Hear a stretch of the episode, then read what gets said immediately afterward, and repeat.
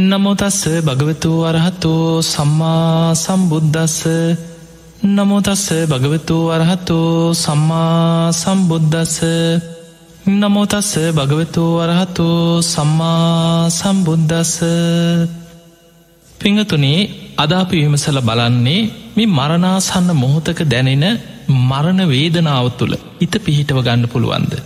බුදුරජාණන් වහන්සේගේ ශ්‍රාවකයන් අතර බුද්ධ දේශනා ගණනාවක සඳහන් වෙනවා. සමහරු ගින්නෙන් පිච්චිලා මොනතරං වේදනා සහගත මරණයක්ද. හැබැයි ඒ මොහොතේ ධර්මය සිහි කරලා ධර්මාවබෝධය ලබපු ශ්‍රාවකයෝ ගැන. ඒවගේ බිම්බිසා රජ්ජුරෝ වගේ වදදීල මරද්දි යටිපතුල් පලලාලු නොදාල ගෙනි පොකුරුඩ පවා ඇවිද්දෝල. ඒ තරං වදහිංසා දෙද්දිත් ධර්මය සිහිකරගත්ත ධර්මය අවබෝධ කරගත්ත ශ්‍රාවකයෝ ගැන. ඒවගේම උල ඉන්දවල මරපු තමන් නොකළ වරදකට රාජ දඩුවමක් හැටියට උලතියපු ස්වාමීන් වහන්සේ නමක් ගැන සඳහන් වෙනවා. හැබැයි උන්වහන්සේට පුළුවන් වුණා ඒ උල උඩම ධර්මය සිහි කරලා අරහත්වයට පත්වෙන්. හැබැයි එතන ධර්මය සිහි කරන්න පුළුවන් තැනක් නෙමෙයි. ඇඟ පසාරු කරගෙන උලක් බහිනකොට ඒ වේදනාව යටපත් කරගෙන. ධර්මය සිහි කරන්න උන්වහන්සේට පුළුවන්කම ලැබුණ. එන්න මේ වගේ කාරණා මුල් කරගෙන අප විමසල බලමු. මරණ මොහොතේ මරණ වේදනාව තුළ කොහොමද කෙනෙක් ධර්මය සිහි කරගන්න. පිංහතුනේ මරණාසන්න මොහොතක මරණ වේදනාව. අපි කෙන කායිකව දැනෙන කායික වේදනාව. මරණාසන්න කෙනෙකුට දැනෙනවා. තැන් අපි මරණය පොඩ්ඩක් තේරුම් ගමු එක දුකක්. බුදුරජාණන් වහන්සේ දුක්කාරි සත්‍යයේදි පෙන්නුවේ මරණම්පි දුක්කං. ඒ ඒ සත්‍යයන් සත්ව ලෝකවලින් චුත වෙනවා. චුත්ති චවනතා බේදෝ අන්තර්දහනම් මච්චු මරණං කාලකිරියා කන්දානම් බේදෝ කලේබ රස්ස නික්ලේබෝ. මේ විදිහට බුදුරජාණන් වහන්සේ මරණය විස්තර කරනවා. ඒ ඒ සත්වයන් සත්ව ලෝකවලින් චුතවීම දැන් අමනුස්්‍යයන් නිරි සත්‍යයන් දෙවියම් බ්‍රහ්මයන් ඕපපාතික සත්වයන්ට අපි ගැන චුත වෙනවා කියලා. ඒත් මැරෙනවා කියන එකම තමයි. හැබැයි ඔවුන්ට කියන්න චුතවීම කියලා. චවනතා බෙහෙදෝ බිඳී යෑම අන්තර්දහ අතුරු දහන් වෙනවා. මච්චු මරණං කාලකර අපි මොන්න වචනයෙන් කිය කලුරිය කරා කියනවා භව ප්‍රාප්ත වනා කියනවා ස්වර්ගස්ත වනා කියනවා මැරුණා කියනවා මලා කියනොව මොන වචනකිව්වත් මේ ශරීරය අතහැරලා මරණයට පත්වීම මයි. එතකොට බුදුරජාණන් වහන්සේ ඒ ඒ සත්වයන් මුල් කරගෙන ඒ සත්වයන්ගේ මරණය ගැන ඒ වගේ එක එක වචනවලින් මොකද එක එකා භාවිතා කරන ඒ සත්ව ලෝකළ වචනවලින් පෙන්න්නන. තැන් අපි ගත්තොත් දෙවියන්ගේ චුතවීම. දෙවියොත් දිවි ආත්මවලින් චුත වෙනකොට දෙවියන්ටත් බුදුරජාණන් වහන්සේගේ දේශනාවතියන පුබ්බ නිමිත්ත කියල සූට්‍රය. මේ දේශනාව සඳහන් වෙනවා දෙවිවරුන්ගේ ආවිශ අවසන්වේගෙන යනකොට පැළඳගෙන ඉන්න දිවිය මල්මාලා පරවෙනවා කියනවා. ඊළඟට දිවිය විමානවල සිත් අලවන්නේ වෙන දවගේ මේ දිවිය සැප සම්පත් දිව්‍ය විමානවල සිත් අලවන්න ඇතුව නිකං එපාවීමක් ඇතිරයි විමාන ගැන. ඒ වගේමයි දෙවියන්ගේ ශරීරවලින් දහඩිය වැගිරෙන්ට පටන්ගන්න. පැළඳගෙන ඉන්න දිවිය සලු පිළි කිලුටු වෙනවා. මෙන්න මේ වගේ ලක්සන ඒ වගේම දිවියන්ගේ බොහොම ප්‍රභාස්වර මේ මුළු ශරීරයම දුරුවරණ වේගෙන යනවා. මේ ලකුණු පහළ වෙනකොට අනික් දෙවියෝ රොහුදිහා බලපු ගමන් තේරෙනවා දැන්නම් මෙයාගේ ආවිශ අවසන් වෙලා චුත වෙන්න මේ ආසන්න වෙලා අවසාන මොහොත කියර. එතකොට මේ වගේ ලකුණු පහළ වෙලා තමයි දෙවි කෙනෙක් බොහෝ වෙලාවට දිවි ආත්මෝලින් චුතවෙන්. එතකොට අපිට පේනොම දෙවියන්ගේත් හර ශරීරවල දුරුවර්ණවීමක් මල්මාලා පරවයාමක් සලු පිළිකිලුටු වෙනවා ශරීරයෙන් දහඩිය වැගිරෙනවා දකොට බොහොම ප්‍රනීත සැප සම්පත් ඇති දෙව්ලෝක පවා දෙවියන් චුතවෙන් ආසන්න වෙනකොට මේ ලක්ෂණ පහළවෙත්. දැන් අපි මනුස්සලෝකෙට ආවහම මනුස්සලෝකෙ මරණය බුදුරජාණන් වහන්සේ පෙන්නුවේ මේ ශරීරය අතහැරලක් කරුණු තුන ශරීරෙන් බැහැරට යනවා. ආයුෂ උණුසුම විඤ්ඥානේ ආයුස් මාච විඤ්ඥානක් කියන. මෙන්න මේ කාරණා තුන මේ සතර මහා ධාතුන්ගෙන් හටගෙන තියෙන මේ ශරීරෙන් බැහැරවීම අපි කියන මරණය මැරුණට පස්සේ අපි කියෙන මේක හරියට වැඩකට ගන්න බැරි දර කඩක් දිරල දිරල පස්සෙලා යන වගේ අර සතර මහා ධාතුන්ගෙන් හටගත්ත ශරීරේ ඊට පස්සේ දිරල කුණු වෙලා පස්සෙලා යනවා. මික වටිනාකම තියෙන්නේ මේ ආවිෂ උණුසුම විඤ්ඥානමේ සතර මහා ධාතුන්ගෙන් හටගත්ත ශරීරය ඇසුරු කරගෙන පවතින තාක්කල් විතරයි. එතනින් පස්සේ කවදාවත් ඔන උපරිම දවසක් දෙකක් එම්බාම් කරල හරි සෙන් ගගහරි මොනවා හරි කළ දවස් කීපයක් යන්තන් ගෙදරක තියාගෙන අඩාඩා හරිදී. හැබැයි ගන්ධ එනකොට කුණු එනකොට දුරු ගන්ධ එනකොට මිනිස්සු එක කොහේ හරි ගිහිල එක්ක වල්ල දානවා. එහෙම නැත්නම් පුච්චලම දානවා. එදකොට අපිට පේනවා ආයි ගෙදරක තියාගන්න සොහොනක් තියෙන්නේ සමහර ගම්මානින් බොහෝ දුර අදනං සමහරලාවට නගරය සොහොන ළඟට ගෙවල් හදාගෙන මිනිස්සු අයිනට මාවට ඉස්සර බුදුරජාණන් වහන්සේ කාලේ මහා කැලේකට ඈත තියෙන ගම්මානින් බොහෝ ඈත ගිහිල වනාන්තරයක තියෙන මහ කැලේකට ගිහිල විසි කරල දාලායනවා. එතකොට අපිට පේනවා මේ ශරීරයේ මේ කොච්චර මේ කෙස්න් පිටිම් බාහිරින් පේන හම දට්ටික නිය පොතු ටික ඕ පාට කරගන්න ලස්සන කරගන්න මොන උපක්‍රම යොදවේද රූපේට උපක්‍රම යොදමින් හිටියත් මේ ශරීරයේ ආයුස අවසන් වෙලා උණුස්සුම බැහැර වෙලා විඤ්ඥානි ශරීරයෙන් පිට වුණාට පස්සේ මේ කුණු වෙලා යන මේ ශරීරය ගිහිල්ල විසි කරල දාලා එක්කො පුච්චල දාලා යන. බුදුරජාණන් වහන්සේගේ දේශනාවල මේ මරණාසන්න මොහොත්තේ මේ ශරීරය අතහැරල ආයුෂ අවසන් වෙලා විඤ්ඥානය බැහැර වෙනකොට.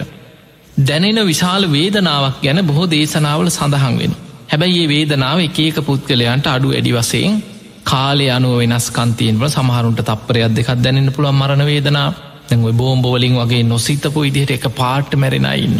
සමහරලාවට විනාඩියක් දෙකක් දැනන්න පුළුවන් විනාඩි ගණන පැය ගණන් මරණ වේදනාව ඉදිනා ඉන්න පුළුවන් මේ මරණාසන්න මොහොතේ ඔබ දන්න අපි බුදුරජාණන් වහන්සේගේ කාලෙ උදාහරණකින් ගත්තොත් අනාත පින්ඩික සිටුතුමා ගැන බහල ඇති. මේ බුද්ධ ශාසනයේ හිටිය අග්‍රම දායකය. පනස් හතර කෝටියක් වියදං කරලා. ජේතවන පුුණ්‍ය භූමිය ඉදි කරලා දහට කෝටියක් අහවනු අතුරල තමයි ඉඩම ගත්තා කියන් ඉඩම මිලදී ගත්ති ජේත කුමාරයට අයිති ඉඩම. තවත් දහට කෝටියක් කහවනු වියදං කරලා කුටි සෙනසුන් අංග සම්පූර්ණ ආරාමයක් ඉදි කර. බුදුරජාණන් වහන්සේට වහල හතකින් යුක්ත සඳුන්ලීයෙන් සුගන්ධ කුටියක් ඉදි කර. ඒ වගේම දම්සභා මණ්ඩප දානශාලා සංගාවාසල්ලිං භික්‍ෂූන් වහන්සේලාට ගිලං අයට වෙනම පහසුකං මේ සියලු පහසුකන් සකස් කරන්න තවත් දහට කෝටියක් අහවනු ඇය වුණ. අවසාන මේ ආරාමි හදලා ඉවර වෙලා. සඟ සතු කරලා පෝජා කරන දවසේ. අනාත පින්ඩික සිටතුමා ඒ උත්සවයට තවත් දහට කෝටියක් වේදන් කර. මුළුන් අගරෙම සැරසුවා. හැම තැනම දන්සැල්ලේදවා. දුගී මගේ යාචකයන්ට අනාත පින්ඩික කියලා හැඳින්නුවෙත් සිටුවරගේ නම සුදත්ත. හැබැයි අනාත පින්ඩික කියලා හැඳින්නුවේ අනාතයන්ට අසරණයන්ට පිඩු දෙන නිසා. එතකොට මේ අනාත පින්ඩික සිටතුමා පනස් හතර කෝටියක් වියදං කරල තමයි ජීත වනේ සඟ සතු කරල පූජ කරේ. නිතර බණැහවා ඒ වගේම බුදුරජාණන් වහන්සේ මුණ ගැහිච්ච පළවෙනි දවසෙම බනහලා සෝතාපන්න පලයට පත්වෙච්ච කෙනෙ එතකොට අපිට පෙන එනම් පෘතජ්ජනයෙක් නෙමෙයිමේ ධර්මය අවබෝධ කරගත්ත සෝතාපන්න පලයට පත්වෙච්ච කෙනෙක් අනාත පින්ඩික සිටතුමා. මේ සිටතුමා මරණාසචන්න වෙච්ච වෙලාවේ සේවකයකුට කතා කරලා කිව පින්වත ඔබ ඉක්මනට ජීත වනයට යන්න. බුදුරජාණන් වහන්සේ පලවෙනුවෙන් ගිහිලා උන්වහන්සේ මුණ ගැහෙ. මගේ වචනින් උන්වහන්සේට වන්දනා කරන්න මේ වන්දනා කරන්නේ අනාත පින්ඩික සිටතුමා වෙනුවෙන් කියලා. ඔබ මං වෙනුවෙන් ගිහිල්ල වඳන්න. සිටතුමාට බොහොම අසාධ්‍යය අමාරුයි මරණාසන්න වෙලා ඉන්න කියලා අසනීප ගැන බුදුරජාණන් වහන්සේට වැඳල මතක් කරන්න. ඊළඟට ඔබ යන්න කීවා සාරිපුත්ත මහරහතන් වහන්සේ වැඩඉන්න කොටියට. සාරිපුත්ත මහරහතන් වහන්සේටත් ගිහිල්ල මගේ වචනින් මුලින්ම වන්දනා කරන්න. සාරිපුත්තයන් වහන්සේට සිහි කරන්න කිවා සිටතුමාට බොහෝම අසාධ්‍ය යමාරුයි. අනේ මාව බලන්න එන්න කියලා සාරිපුත්තයන් වහන්සේට පණ විඩේ කියන්නකි. තිං එදා සාරිපුත්ත මහරහතන් වහන්සේ දානය වලඳලා ආනන්ද හාමුතුරුව එක්ක පිණ්ඩ පාති වැඩම කරලා අවසානයේ සිටු මැදුරට වැඩිය. දැන් සිටුතුමා හොඳටම අසාධ්‍ය වෙලා ඇඳේ වැතිරිලා ඉන්න මොහොතේ ඇඳ ළඟම ආසන දෙකක් පනවල දුන්න. සාරිපුත්ත මහරහතන් වහන්සේ ඇඳ ළඟින්ම වාඩි වෙලා ආනන්ද හාමුදුරුවට ළඟම වැඩ හිටිය සාරිපුත්ත හාමුදුරුව අහනවා කච්චිතේ කමනියම් ඔබට ඉවසන්න පුළුවන්ද. කච්චි යාපනියන් ඔබට දරාගන්න පුළුවන්ද. කච්චි දුක්කාවේදන නො අභික්කමන්ති නෝ පටික්කමන්ති. ඔබ ඔයි දුක්වේදනානිකං අඩුවෙන පාටක්ද තියෙන්නේ වැඩි වෙනවා වගේද කියලා ඇහුව. තැම් බලන්න අපි බොහෝ වෙලාවට ඔබ ලෙඩ්ඩු බලන්න ගිහිල්ල ඇති. ඔබේ ඥාතීන් අසල් වැසිය කවුරු හරි හිතවතෙක් රෝහලේ ඉන්න අන්න ස්පිරිතාල ඉන්නවා. දැනගත්තාහම බොහෝ දෙනෙක් බලන්න යනවා. ඒ ගිහිල්ල ඔය වගේ යහනවා කොහොමද? දැන් සනීපද? වෛද්‍යවරු මොකද කිව්වේ?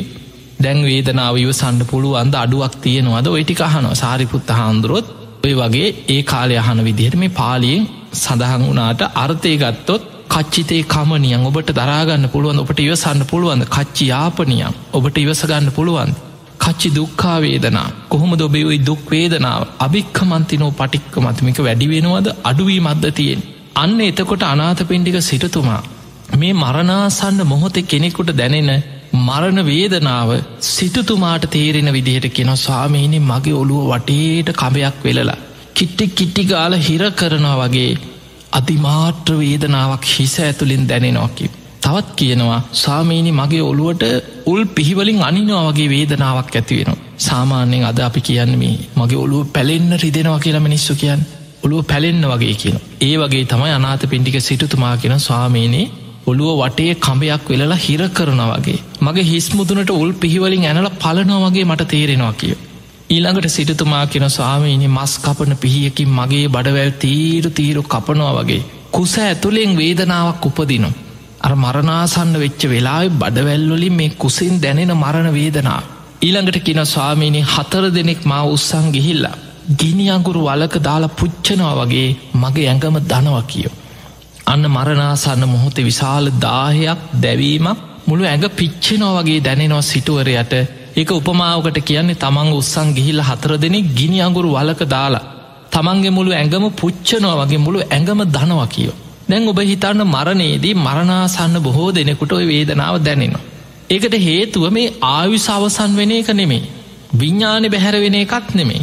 තේයෝදහතුව ආයුස් මාච විඤ්ඥානකිපම ආයුසයි උණුසුමයි විඤ්ඥානය මේ කරුණු තුන තමයි ශරීරයේ මරණයේදි බැහැරවෙන් උණුසුම කියන එක අපි ධර්මය කියෙන තේජෝදහතුව මේ තේජෝධාතුව කියන අපේ ශරීරෙම හැදිලා තියෙන්නේ පටවි ආපෝ තේජෝ ආයෝ කියන සතරමහා ධාතුන්ගේ ඔය ධාතු මනසිකාරී ගැන විස්තර කරනකොට මේ රූපය ගැන විස්තර කරනකොට බුදුරජාණන් වහන්සේ වදාළ මහනෙන ගුරෝසු ස්වභාවීන් යුක්ත පටවි ධාතු කොටස් විස්සක් මූලික වසයෙන් ඉවෑ පටවි ගතිය වැඩි කොටස් විස්සක් පෙන්නු.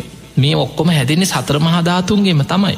හැබැයි මේ කේසන් ලෝම්නිය දත් සම්මස් නහර ඇට ඇට මිදුළු වකු ගඩු හදවත අක්මාව බඩදිව පෙනහළු අසූචි හිස්මොලාද මේ පටවිධාතු කොටස් විස්සක් පෙන්වා ඒවැ පටවි ගතිය වැඩි. එනිසා පටවිධාතු හැටියෙන් මෝලික ඒ ස්භාවය අනුව වෙන් කරලා අපිට පෙන්නවා. ඊළඟට ශරීරයේ තුළ තියෙන අපේ දිය වෙලා වැගිරිලා යන දේවල්. ආපෝ දහතු කියනවා. පිත්ත සෙම සැරව ලේ දහඩිය කඳුළු බොරුණු තෙල් මුට්ට්‍රා මේවා දිය වෙන වැගිරෙන දේවල්. හැබැයි හැදිල තියෙනෙ සතරමහාධාතුන්ගෙම තමයි. වැගිරෙන ස්භාවි වැඩි නිසා ආපෝදහතු හැටියට හැදින්නවා. ඉළඟට මේ ශරීරය තින වායෝ දහතුව උගුරට එනවා ෑනුම් යනවා ඉක්ක වැටෙනවා මේ උඩුවත්තට ගමන්කන උද්දංගමාවාතා බඩවැල් ොල හැදිල පසු පසින් පිට වෙන වාතයක් තින එකට කියෙන අදෝගමාවාතා. මේ කුසේ පිරිච්ච වාතයක් තියන කුච්චිසයාවාත සමහර බඩ ගොඩොගර ගානවා බඩ ඇතුළි පිරිච්ච වාතයක් තිනවා කුච්චිසයාවාත. ඉළඟට අංගමංගානුසාරිනෝ වාතා අවය අවසොලවන්න වටපිට බලන්න ඇවිදින්න දුවන්න පනින්න හැඟපත හොළුවන් මේ ඔක්කෝම වායෝ දහතුවත් එක්ක තමයි මේ දේ වෙන්නේ. ඒකට උපකාරවෙන වාතිම මුළු ශරීරය පුරාම ලේධාතුව ගමන් කරන්නේ වායෝ දහතුව නිසා. ඉළඟට අස්වාස ප්‍රශ්වාසවාතා. අපි ආස්වාස ප්‍රශ්වාස කරන හුස්මරැල්ල පවා ශරීරයත් එක්ක බැඳිච්ච දෙයක්.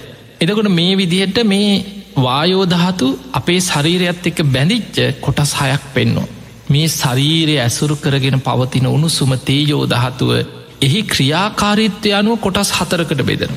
සන්තප්පන තේජෝධාතුව පරිඩහන තේජෝධාතුව පාචක තේජෝධාතුව ජිහිරණ තේජෝධාතුව කියලා කොටස් හතරයි. එතකොට අපි අමුවෙන් කෑවත් දිරවන ජීරණ තේජෝධාතු මෙයන්ගේ උණුසුම නිසා වෙන දෙයක්. ශරීරෙ දවනවා තවනෝ සන්තප්පන විශේෂෙන් දවන උණුසුමක් තියෙන් එකන අපිට උන ගන්නවා ඇක රත්වෙනවා ඊළඟට මේ ශරීරෙ දවසින් දවස වයසට යනවා දිරනවා ජීරණ තේදයෝධාතු එතකොට මේ විදිහට මේ ශරීරයේ පුරාම බැසගත්ත උණුසුම මේ සතරමහා ධාතුූන්ගේම හටගත්ත ශරීරෙ පුරාම බැසගත්ත ඇගේ තියෙන උස්නත්වය මේ උණුසුම තේජෝදහත්තුව මරණයේදී ශරීරෙන් බැහැර වෙලා ශරීරෙන් ඉවත් වෙනවා. අන්න ඒක තමයි මරණාසන්න කෙනාට විශාල තමාට ඇඟම දනවා වගේ තේරෙන්න්න පුළුවන් ඇඟ පිච්චෙනවා වගේ අනාත පිඩික සිටතුමා කෙන ස්වාමිනිමා උත්සං ගිහිල්ලා ගිනිියගුරු අලක දාලා පුච්චනවගේ මගේ ඇඟ දනවා කියෝ. එතකොට අපිට පේනවර දාහය දැවීම පිච්චෙනවා වගේ ගතිය මරණාසන්න මොහොතේ මරණ වේදනාවත් එක්ක අර තේජෝ ධාතු ශරීරයෙන් පිට වෙනකොට ඇතිවෙන. සමහරුන්ගේ අසනී පනුව වේදනාව අඩු වැඩි වෙනවා. සමහරු ගින්නෙන් පිච්චිලා මැරිනයින්න අයිතකොට අර පිච්චින වේදනාව ඒ ඇතුවාල වේදනාව සමහරට තුවාල හටගෙන කුණුවෙලා වේදනාවඉඳල මැරෙනවා සරි අභ්‍යන්තරය ඇතිවෙන යම්යම් රෝගතත්ව නිසා බඩේ අමාරු ඔලුව කැක්කුම වේදනාව ඉඳල විඳල මැරෙනවා එතකොට මේ මොන ක්‍රමෙන් මැරුණත් මරණාසන්න මොහොතක මරණ වේදනාව කියන එක කෙනෙකුට අඩු වැඩි වසයෙන් දැනෙනවා. ඔබට හිතෙන්න්න පුළුවන් මේක හැමෝටම දැනෙනවාද කියලා. මරණ වේදනාව හැම කෙනෙකුටම දැනෙනවා හැබැයි දැනෙන ස්වභාවේ එක වෙනස්කන් තියෙන පුළුවන්. සමහරකුට තප්පරයක් දෙකක් දැනෙන්න පුළුවන් තප්පර කීපයක් විනාඩියක් දෙකම් මරණ වේදනාව දැනෙන්න පුළුවන් එක්කෝ පැයක් සමහරු පැය ගනන් දින ගනම් පනාදිනායත් අපිට අහන්න ලැබෙනවා. එතකොට අපිට පේනොම මරණ වේදනාව කියන එක කෙනෙකුට අඩු වැඩි වසයෙන් දැනෙනවා. මෙන්න මෙතන ධර්මය දියුණු කරගත්ති නැත්නං බොහෝ දෙනෙක් මේ වේදනාව එක්ක ගැටෙනවා කේන්ති යනවා තරහාව ඇති වෙනවා. ඔබ දැකල ඇති සමහරු ඉස්පිරිතාල්වල කෑ ගහනවා හෝ තියෙනවා බනිනවා රිදෙනවෝ කියනවා සමහරු ඇඳංවල බැඳල තියෙන් එක්කු. ඉංජෙක්ෂණයක් ගහන්න දෙන්න තුවාලයක් සුද්ධ කරන්න දෙන්නෑ එතකොට මරණාසන්න මොහොතේ පවා මහා වේදනාවක් විඳලා විඳලා දංගලලා පැරෙනවා. එතකොට අපිට පේනවා මේ මරණාසන්න වේදනාව කියන එක කෙනෙකුට දැනෙනකොට ධර්මය දියුණු කරගත්තේ නැති කෙනා කලබල වෙනවා. හිත විසිරෙනවා. ඔහුට තියෙන කෑ ගහන්න විලාප දෙන්න බයිවෙලා තැති අරගෙන හිත විසිරීමක් මිසා ඔහුට ඒ වේදනාව තුළ හිත පිහිටවන්න බෑ. බුදුරජාණන් වහන්සේගේ ධර්මය තුළ අන්න උන්වහන්සේ අපිට උගන්නනවා වේදනාවී හිත පිහිටවන්න පුළුවන් ක්‍රම ඒ තමයි සතර සතිපට්ඨානය සඳහන් වෙනවා වේදනානු පස්සනාව කියලා සතිපට්ඨාන කොටසක්. දැන් ඔබ බලන්න ඇහැමුල් කරගෙන විදීම් ඇති වෙනවා. ඇහේ ස්පර්සය නිසා ඇතිවෙන විදීම් තියෙනවා. ඒ විදීම තුළ සැපවිඳීම් වගේම දුක්විදීම් උපදිනවා. දුක් සැප රහිත විඳීම උපදිනවා. ඊළඟට කනට ඇහෙන දේවල් තුළ කනේ ස්පර්සය නිසා විඳීම් ඇතිවෙනවා. කනට ඇහෙන දේවල් නිසා සැප විඳීම් ඇතිවෙනවා දුක් විඳීන් ඇතිවෙනවා දුක් සැප රහිත විදීන් ඇතිවෙනවා. නාසේට දැනෙන දේවල් තුළ සැපවිදීන් ඇතිවෙනවා දුක් විඳීන් ඇතිවෙනවා දුක් සැප රහිත විඳීම් ඇතිවෙනවා. දිවට දැනෙන රසයන් තුළ සැපවිඳීන් ඇතිවෙනවා දුක් විඳීන් ඇතිවෙනවා දුක් සැප රහිත විඳීන් ඇතිවෙන. කයට දැනෙන පහස තුළ අන්න කායික වේදනාවන් බොහෝ වෙලාවට ඇතිවෙන්නේ කයයි පහසයි විඤ්ඥානයයින් එකතුවීම. එකන සමහරුන්ට ඒ වේදනාව නොදැනෙන්න සමහරලාට ඉන්ජෙක්ෂණයක් ගල් හිරිවට්ටන්න පුළුවන්. එතනදී ඔහුට ඒ විඤ්ඥානයට ඒ කයි ස්පර්සේ නොදැනෙන මට්ටමට තාවකාලික සමල්ලාට හිරිවට්ටලා සිහි නැති කිරීම තුළේ විඤ්ඥානයේ කයි ස්පර්සය ඊට පස විඤ්ඥානයට ඒක දැනෙන්නේ නෑ එතන මනසිකාරයකට හිතයොමු එන්නේ හැබැයි මනසිකාරයකට අවධානය යොමු එච්ච ගමන් වේදනාව දැරන්න ගන්න. දැන් ඔබ හිතන්න මෙහෙම ඔබට සමහර අත්දැකින් ඇති. සමහර වෙලාවල් වල අපි එක්ක දුවන්න ගිහිල වැටිච්ච අවස්ථාව ආහනයක්කට මෝට් සයිකලයක වැටිච්ච අවස්ථාවක් වෙන්න පුළුව මොනොහරි හේතුවක් මත සමහල්ලාවට ඇදගෙන වැටිලා අතහම යනවා. දැන් වැටිච්ච ගමන් එක්කෝ අත හම ගිහිල්ල දැන් ලේ ගලනවා. හැබැයි ගෙනෙ බලාගෙනින් නොමේ ලේ ගලනවා අත පිහිනෝ ටික වෙලාවක් යනකොට තමයි වේදනාව දැනන්න පටන්ගත්. එන්න එන්න වේදනාව වැඩියනවා ටික වෙලාව ඇයි එහෙම වුණේ. ඒකට හේතුව අර එක්කො තුවාලවීම ඇදගෙන වැටීම හමය ඇමතුළ එක පාරට හිත විසිරුණ. හිත කලබලයකට පත් වුණ. එතනට අවධානය යොමු එනකොට තමයි මනසි කාරයත් එක්ක තමයි විඤ්ඥාන පිහිටන්. එතනින් තමයි අර විදීම දැනෙන්න පටන්ගන්නේ ඉස්පර්සයත් එක් විඤ්ඥානය පිහිටනවත් එක්කම ඉස්පර්සය ඇතිවේ. එතකොට කයයි පහසයි විඤ්ඥානය එකතු වෙන්න නම් ඒ කයට ඒ එතනට මනසිකාරයක් අවධානයක් යොමු එන්න ඕන්.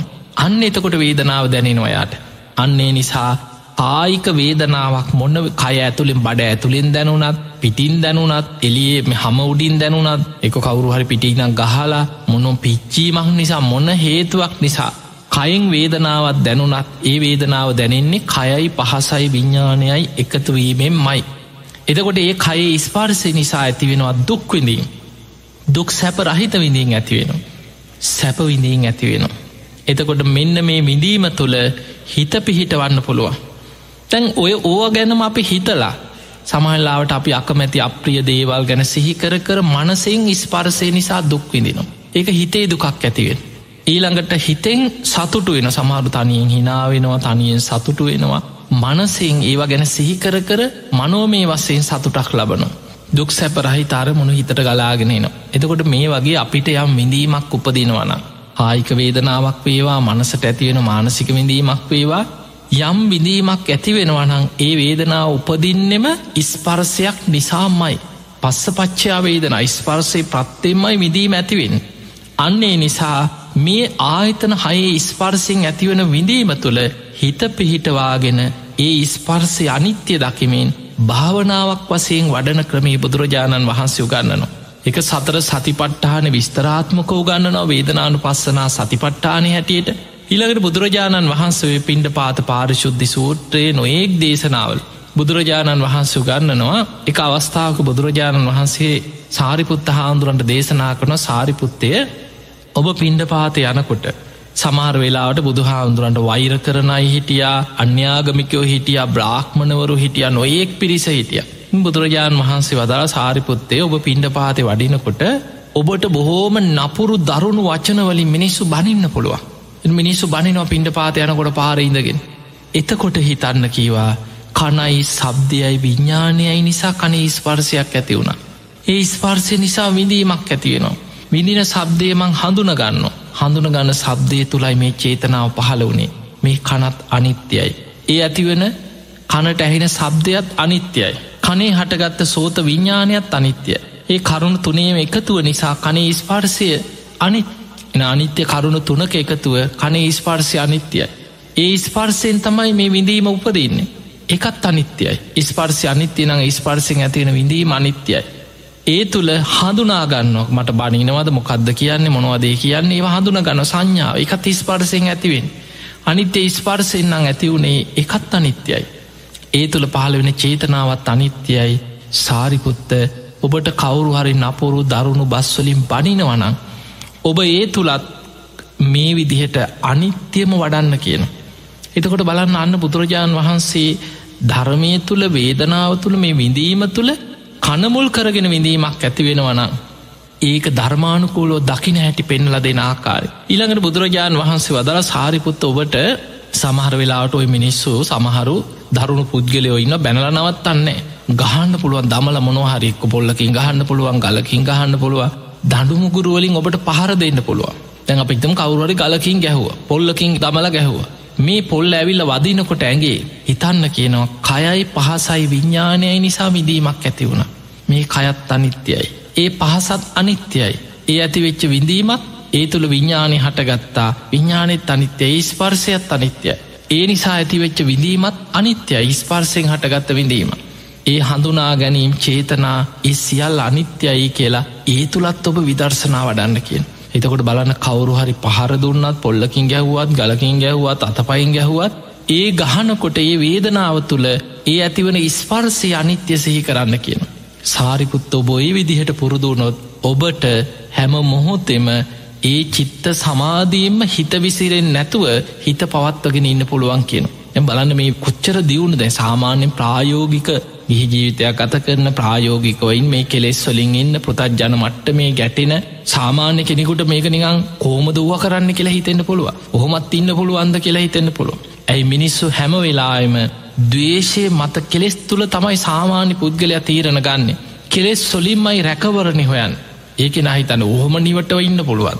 පීවට එකට එක කරන්න ඕන කියලා හිතනවා. අපිට පුළුවන් දහන එහෙම ඉන්න. එතකොට අපි නිකම් බාල්දුවෙනවා කිය එතකොට මේ වගේ මේ කෙලෙස් තුළ තීරණ ගන්න කෙනා එකට එක කරන්න ඒකට ප්‍රතිචාර දක්වන්න ඒ විදිහට තීරණ ගන්න කෙනා කෙලෙස් වලින් හැබැයි බුදුරජාණන් වහන්සේ පෙන්නන්නේ ධර්මාවබෝධයට හිත සකස් කරගන්න කෙනා ඕනෑම වේදනාවත් තුළ මනසට යම් වේදනාවක් බනිනව ඇහිලා හරි ඇහෙන් දැකපු දෙයක් නිසා හරි කනට ඇහිච්ච දෙයක් නිසා හරි යම් විදීමක් උපදිනවනං ඒකත් ඉස්පර්සෙන් හටගත්ත කියලා අනිත්‍ය දකිින්. කයට කායික වේදනාවක් එක්කෝ තමන්ගේ වෙන යම් හේතුවන් නිසාවෙන්න පුළුවන්ගේ කොකවරුහරි පහර දෙන නිසාවෙන්න පුළුවන් ගලකින් ගහලවෙන්න පුළුව ඒ හැම වෙලාමත් ඉස්පර්සෙන් හටගන්න විඳීමක් හැටියට දකිින්.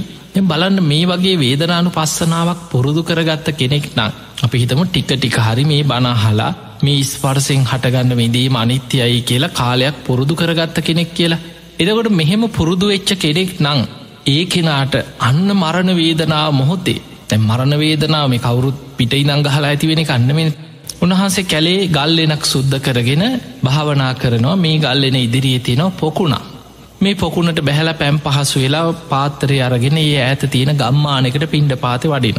මෙහෙම තමයි උන්වහන්සේ අර වනාන්තරයේ බණ භාවනා කරගෙන හුද කලා ජීවිතයක් ගත කරේ.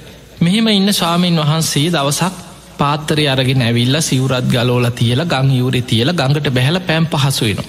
මෙහෙම පැම් පහසු එනකොට රජ්ජුරුවන්ගේ රාජාභරණ වගේ කොරකං කරගත්ත හොරු වගේයක් කැලේට පැනලා පිටි පස්සෙන් පන්නනවා රාජබටයෝ. ඇන් කැලේ ඇතුළේ දුවනවා. දුවගෙන දුවගෙන දුවගෙන යනකොට කැලේම රාජබටයෝ වට කරලා කැලේ පීරනවා.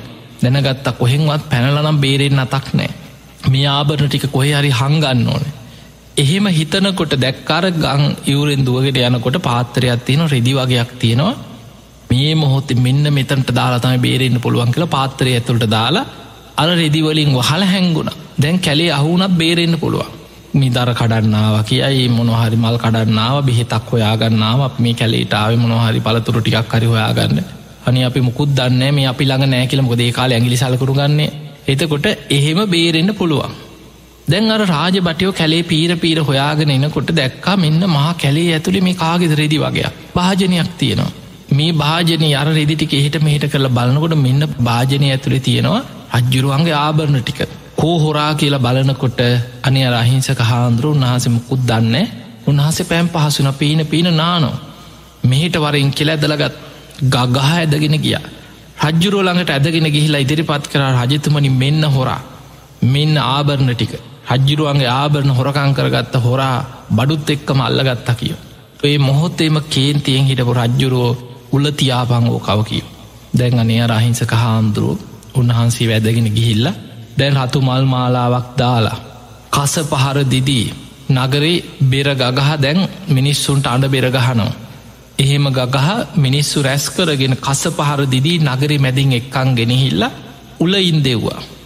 දැන් හිතන්න උල ඉන්දෝනවා කියන මේ එක පාරට උලේ තිබ්බ ගමන් පණයනවා නෙමේ අර උල ඇඟ පසාරු කරගෙන ඇඟ ඇතුළෙන් උඩට හාරගෙන ඇඟ පසාරු කරගෙන බහිනකොට මොන තරන් දුකක් වේදනාවක් විඳලද කෙනෙක් උල උඩ මරණයට පත්තේ දැම් මේ ස්වාමීන් වහන්සේ නොකළ වරදක් ඒ වෙනකොට උන්හන්සේ ධර්මය අවබෝධ කරගෙන රහත් වෙලා හිටපු ගෙනෙක් නෙමේ දැන් හිතන්න ඔය වගේ දේකදී ධර්මයක් පුරුදු කරපු නැති අවබෝධයක් තුළ යම්මට්ටමකට හරි ධර්මය අහලා අවබෝධයක් තුළ හිටපු නැති කෙනෙක් නං කොච්චර හිත විසිරෙනවාද කියලා. එයා එහෙමනං හිතන්නේ මං මෙච්චර පැවිති වෙලා මං මෙහෙම සීරු රැකලා මං මේ වනාන්තරයට වෙලා කාටවත් කරදරයක් නැතුව ජීවත් වෙලා ඇයි මට මෙහෙම වුණේ අන්නෙමන මිනිස්සු හිතන් ඇයි මටම මෙහෙම වෙන්නේ? මොකක්ද මං කරපු කරුමේ? එහෙම තමයි සමහරුන්ට ප්‍රශ්නයක් ගැටලුවක් එනකොට සමහර වෙලාවට ධර්මය සිහිකරගෙන ඒ මොහොතේ තමන්ගේ හිත රැකගන්න. ඒක සාධහරණය අසාධහරණය ඇයි මට මෙහෙම වුණේ මංමොකක්ද කරපු කරුමේ මෙන්න මුන් තමයි මේ ඔක්කොම කරේ ඒ වගේ කාගෙ හරි පිටින් තියතිය සාධහරණ කරුණු මනසෙන් හොය හොයා අපේ හිත ධර්මය පිහිටව ගන්න තියන අවස්ථාව නැති කරගෙන හිත විසිරිලා තරහින් දවේශයෙන් කාට හරි වෛර බැඳගෙන එක්ක මැරෙනවා. නමුත් මේ සාමීන් වහන්සේ උල ඉන්දපු වෙලාවේ උන්හන්සිට වැටහුණා මම කවදා හෝ පෙර සංසාරය කරපු කර්ම විපාකයක් වෙන්න පුළුවන්. මේ ජීවිතේ මං නිවරදි වුණත් පෙර සස්සරි මංකරපු අකුසල විපාකයක් වෙන්න පුළුවන්. ඉපදීම දුකක්මයි බුදුරජාණන් වහන්සේ දේශනා කරේ ඉපදීම දුකයි කියලා. ඉපදිච්ච නිසානේද මං මේ වගේ දුක්විදින්න කියලා හිතනකොට බුදුරජාණන් වහන්සේගේ බුදු ඇසට අරමුණුනා තමන් වහන්සේගේ ශ්‍රාවක දරුවෙක්. නොකළ වරදකට හැබැයි පෙර සංසාරය අකුසලයක් බුදුරජාණන් වහන්සේ බුදු ඇසින් දැක්ක. උන්වහන්සේ උල ඉන්දවලා දැන් ඇඟ පසාරු කරගෙන උල ඇඟ ඇතුළට බහිනෝ. උන්වහන්සේ මොහොතේ ධර්මය සීකරන්න වීරියක් ගන්න බුදුරජාණන් වහන්සේ සැනින් ඉරදියෙන් පෙනී හිටියා. දේශනාව තියෙන්නේ දික්කල අතක් හකුලනවා වගේ හකුලපු අතක් දික්කරාවකි ඒ ඇන අපේ මේ අතක් එක පාට හකුලගෙන ඉඳලා දිගු කරනවා වගේ වේගෙන් ඒ මොහොත්තෙම උන්වහන්සේ අර භික්ෂුව ඉදිරියේ සැනින් ඉරදියෙන් පෙනී හිට එදැන් අනිත් අයට පේන්නේ වදකයන්ට පේනෑ උල ඉඳපු අයට පේනෑ මිනිස්සුන්ට පේනෙත් නෑ අර සාමීන් වහන්සේට පේනවා බුදුරජාණන් වහන්සේ ඉරදීම් පෙනීන්වා තමන්ගේ ඉදිරි බුදුරජාණන් වහන්සේ අහනවා භික්ෂුව මේ රූපය නිත්‍යද අනිත්‍යද? ඔබ හොදට විමසන්න. දැන් රූපය අනිත්‍ය රූපයේ මේ කය පසාරු කරගෙන උල බහිනකොට අනිත්‍ය වේදනා හොඳටම දැනෙන වෙලා අනිච්චම් බන්තය අනිත්‍යයි ස්වාමිනය කිය. එහෙමනං අනිත්‍ය වූ රූපයක් නිසා ඔබට දැනෙන්නේ සැපක්ද දුකක්ද? දුක්කම් බන්තේ දුකයි ස්වාමිනි. එහෙම නම් මේ රූපයේ මම මගේ මගේ ආත්මයයි කියලා මටෝ නැවිදියට පවත්වන්න පුළුවන්ද නොහේ තම්බන්තේ නැහැස්වාමිනි මේ අනාත්මයි කියෝ. බුදුරජාණන් වහන්සේ වදාළ ඔබ රූපය අනිත්‍යයි දුකයි අනාත්මයයි කියලම විමසන්න කියෝ. ඊළඟට බුදුරජාණන් වහන්සේ හනෝ භික්‍ෂූ මොකද මේ වේදනාව ඉස්පර්සෙන් ඇතිවන විඳීම නිත්‍ය ධනිත්‍ය ද වේදනා හොද්දටම දැනෙන වෙලා අනිච්චම්බන්තය අනිත්‍යයි ස්වාමිනි. එහෙම නම් මේ අනිත්‍ය විඳීම නිසා ඔබට ඇතිවුණේ සැපක්ද දුකක්ද දුක්කම් බන්තේ දුකයි ස්වාමී. එහෙම නං මේක මම මගේ මගේ ආත්මයයි කියල මේ වේදනාව පිළිගන්න පුළුවන්ද නොහේ තම්බන්තේ නැහැ ස්වාමිනි මේ අනාත්මයිකි. භික්‍ෂුව මේ වේදනාවත් අනිත්‍යයි දුකයි අනාත්මයේ කියලම සිහි කරන්න ඔබට කාලයයි කිය. ඉළඟට බුදුරජාණන් වහන්සේ වදාලා සංඥාව ඇහි රූපහඳ රූප හඳුනගන්නවා කනේ සබ්ද හඳුනගන්නවා නාසයෙන් ගඳ සුවඳ හඳුනගන්නවා දිවෙන් රසාහඳුනනවා කයින් පහ සාඳුනනවා මනසිෙන් අරමුණු හඳුනාගන්න අපිකටගෙන සංඥා. මේ සංඥාව නිත්‍ය ධනිත්‍ය දැහව අනිච්චම්බන්තේ එකත් ඉස්පරසයෙන් ඇතිවෙන දෙයක්. අනිත්‍යයි කියව. ඒමනං අනිත්‍ය වූ සංඥාවක් නිසා ඔබට ඇතිවෙන සැපක්ද දුකක්ද? දුක්කම් බන්තේ. දුකයි ස්වාමිනික එහෙම නම් මේ සංඥාව මම මගේ මගේ ආත්මයයි කියල පිළිගන්න පුළුවත් නොහේ තම්බන්තේ නැහැ ස්වාමිනි මේ අනාත්මයි කිය. ඉළඟට ඔය වගේ බුදුරජාණන් වහන්සේ හනෝ භික්‍ෂුව ඔබ හොඳට විමසන්න. සංස්කාර ස්පර්සයම හටගන්න චේතනාව ඇහැට පේන රූප ගැන චේතනා පහළ වෙනවා කනට ඇහෙන සබ්ද ගැන චේතනා පහළ වෙනවා නාසේට දැනෙන ගඳසූද ගැන චේතනා පහළ වෙනවා දිවට දැනෙන රස ගැන චේතනා පහළ වෙන. කායිට දැනෙන පහස ගැන මනසට දැනෙන අරමුණු ගැන චේතනා පහළ වෙන. ඉස්පර්සයෙන් තමයි චේතනාව ඇතිවුණ නිත්‍ය අනිත්‍ය දැහු අනිච්චම් බන්තය අනිත්‍යයි ස්වාමින්. ඒම නම් මේ සංස්කාර නිසා ඔබට ඇතිවෙන සැපක්ද දුකක්ද දුක්කම් බන්තේ දුකයි ස්වාමිනික. ඒම නම් මේ සංස්කාර මම මගේ මගේ ආත්මයයි කියල පිළිගන්න පුළුවන්ද. නොහේ තම් බන්තේ නැහැ ස්වාමිනි මේ අනාත්මයි. බුදුරජාණන් වහන්සේ ආයමත්ත දාලා එහෙමනම් භික්‍ෂුව සංස්කාර ගැනත් ඔබ හිතන්න මේක අනිත්‍යයි දුකයි අනාත්මයි කියල හිතන්. අවසානය හනවා විඤ්ඥානේ ආයත්තන හයේම විඤ්ඥානි හටගන්න. මේ විඤ්ඥානය නිත්‍යද අනිත්‍යද අනිච්චම් බන්තේ අනිත්‍යයි ස්වාමීනයකව. නාමරූප ප්‍රත්තිෙන් තමයි විඤ්ඥානි හටගන්න. ඇහේ හටගන්නවා චක්කු විඤ්ඥානි කනේ හටගන්නවා සෝත විඤ්ඥාන්. නාසේ හටගන්න ගහන විඤ්ඥාන් දිවේ හටගන්නවා ජිව්හා විඤ්ඥා කයේ හටගන්නවා මනසේ හටගන්න. එතකොට අපිට පෙන ආයතන හයේම විඤ්ඥාන හටගන්න නාමරූප නිසා හටගන්න විඤ්ඥාන නාමරූප වෙනස් වෙනකොට වෙනස්සේ. අනිච්චම් බන්තය අනිත්‍යයි ස්වාමිනි. එමනං අනිත්‍ය වූ විඤ්ඥානයක් නිසා ඔබට ඇතිවෙන සැපක්ද දුකක් දුක්කම් බන්තේ දුකයි ස්වාමී. එහෙම නම් මේ විඤ්ඥානෙ මම මගේ මගේ ආත්මයයි කියල මටහොන විදියට පවත්වන්න පුළුවන්ද. නොහේ තම්බන්තේ නැහැස්වාමිනි මේ කානාත්මයිකයෝ. බුදුරජාණන් වහන්සොය විදිහට රූප වේදනා සංඥා සංකාර විඤ්ඥාන පංච උපාදානස්කන්දෙ ගැනම ප්‍රශ්න කරලා බුදුරජාණන් වහන්සේ වදාළ භික්‍ෂූ ඔබ හොඳට හිතන්න මේ රූපය. හතීත අනාගත වර්තමාන තමා තමාගෙන් බාහිර ගොරෝසු සියුම් දුර ළඟ හීන ප්‍රනීත මේ කොහේ තිබුණත් අනිත්‍යමයි. එක දුකට අයිති දෙයක්. මම මගේ මගේ ආත්මයයි කියලා පවත්වන්න බැරි දෙයක්. මේ විදිහට ආයතන හයේම හටගන්න පංචුපාදානස්කන්දේම ඔබ අනිත්‍ය වසයෙන් දුක් වසයෙන් අනාත්ම වසයෙන් මෙනෙහි කරන්න කියලා ඔය උපදෙස දුන්නා බුදුරජාණන් වහන්සේ ඉරදියෙන් පෙනීදල නොපෙනී ගිය. අර ස්වාමීන් වහන්සේ දැන් ඇඟ පසාරු කරගෙන උල ඇඟ ඇතුළට හාරගෙන බහිනෝ. විශාල මරණ වේදනාව උල දිගේ ලේ ගලනෝ. හැබැයි ඒ වේදනාව මැඩගෙන උන්වහන්සේ මේ ඇසානිත්‍යයි කනානිත්‍යයි නාසයානිත්‍යයි දිවානිත්‍යයි කයානිත්‍යයි මනසානිත්‍යයි. ආයතන හයේ ස්පර්සිං හටගන්න විඳීම් හඳුනා ගැනීම් චේතනා ස්පර්ස මනසිකාර මේවා අනිත්‍ය වසයෙන් මෙනෙහි කරනකොට උල උඩම කෙලෙසුන්ගේ මිදිල රහත් වුණ. බලන්න මොනතරං වේදනාවක් මැද්දෙ වුණත් ඒ වේදනාව තුළ ධර්මය සිහිකිරීම තුළ උල උඩම රහත් වුණ. උල උඩම උන්වහන්සේහේම පිරිනිවන් පෑව. එදකොට අපිට පේනවා වේදනා මරණ වේදනාව තුළ ධර්මය සිහි කරන්න පුළුව. ඔබ අහලතිනවා සාමාවතිය ඇතුළු පන්සීයක් මැරුණෙ කොහොමද. ගින්නෙන් පිච්චිලා මේක ස්භාවික ගින්නක් නෙමේ. මාගන්දයා වෛර බැඳගෙන ගිනි තිබ්බ කියල සඳහන්වෙන් හැබැයි සාමාන්‍යයේ ධර්මය නොදන්න පෘතජ්ජන භාවේම ජීවත්වෙන්න කැමති කෙනෙක්නම් ඒ මොහොතෙත් මරණ මොහොතෙත් අර ගින්න ගින්නෙන් පිච්චෙන කොටත් පෘතජ්ජන භාවෙන් කෙලෙස්වලින් රැකවරණය හොයන කෙනෙක් නං මාගන්දයාටයි වෛර කරන්න. මං මැරිල හරි පලිගන්න මාගන්දයා නේද මේක කරේ? බලන්න රජ්ජුරුව නැති වෙලා මේක ගිනි තිබ්බනේද කියලා එනම් ආගන්දයාට වෛර බැඳ බැඳ මැරෙන් හැබැයි ධර්මය දන්න වේදනාව සතර සතිපට්ඨානය පුරුදු කරපු වේදනානු පස්සනාව වඩපු පිරිසක් නිසා සාමාවතී කෙනවන් නැගනිවරුණි අපි සියලු දෙනාම තව ටික වෙලාකින් මේ ගොඩ නැගිල්ල ඇතුළෙම කරවෙලා පිච්චිලායයි මේ ගින්නේ. හැබැයි අපිට වටිනාම දෙයක් තියෙනවා ඒ තමයි බුදුරජාණන් වහන්සේගේ ධර්මය. මෛත්‍රී වඩන්න හිතට දවේශයක් වෛරයක් නං ඇතිවෙන්න දෙන්න එපා අපි මයි පරදින්.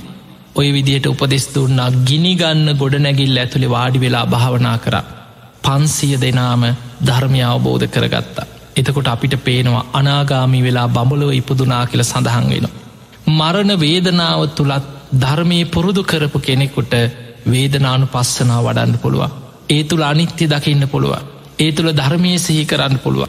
මරණ වේදනාව තුළත් ධර්මාවබෝධයට හිතක් පුරුදු කරගන්න පුළුවන්. හැබැයි මැරෙන්න්න වැටෙනකං හිටියොත් හරි මංගේ ඒ වෙලාවට කරගන්නම් කියලා ඒ වෙලාවට ධර්මයක් සිහි කරගන්න බෑ ඇයි ධර්මය දන්නේ. ඔබ දැකල ඇති බොහෝ දෙනෙක් මරණ මොහොතෙ කරන්නේ කෑගහනුව හෝ තියෙනවා විලාප දෙනවා බේරගනියෝ කියනවා මිසක් එතනින් එහාට ධර්මයක් සිහි කරගන්න බෑ.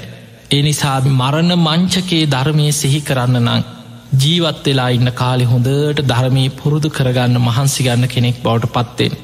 ඒ පිණිස ඔබ හැම දෙනාම ප්‍රායෝගික උත්සාහ කරන්න නිතර බණහන් භාවනා කරන්න ධර්මය ඉගෙනගන්න ප්‍රායෝගිකව ධර්මී පුරුදු කරන්න මේ ලැබිච්ච මනුස්ස ජීවිතය තුළ ධර්මයටම ජීවිතය යොමු කරගෙන ධර්මය තුළින් ජීවිතය ගොඩ නගන්න උත්සාහයක් ගන්න මේ ලැබිච්ච මනුස්ස ජීවිතය අවසන් වෙන්න පෙර පුළුවන් තරම් පින් කරන්න කුසල් වඩන්න සද්ධහදී ගුණ ධර්ම වඩාගත් නිතර බණහන් ධර්මයට ආස කරන්න ධර්මයට කැමති කෙනෙක් බවට පත්වෙන්. දම්ම කාමෝ බවන් හෝති දම්ම දෙෙස්සේ පරාබව ධර්මයට කැමති කෙනා ධර්මයට ආසකෙනා දවසින් දවස ධර්මය තුළ දියුණුව කරායන දම්ම දෙෙස්සී පරාබව ධර්මයට දවේශ කරන කෙනා ධර්මයට ගරහන්න කෙනා දවසින් දවස මෙලෝ පරලොව දෙකෙන්ම පිරිහිලා පිරිහිලා විනාසේ පැත්තටම යනවා ඒ නිසා ඔබ ධර්මයට ආසකරන ධර්මය දියුණු කරගන්න කෙනෙක් බවට පත්වෙන්න ඔබ හැම දෙනාටමත් මේ ජීවිතය තුළ තුම්මූ ධර්මයම දියුණු කරගන්න වාසනාව ලැබේවා ලැබේවා ලැබේවා කියලපි ඔබට ආශිර්වාද කරනවා.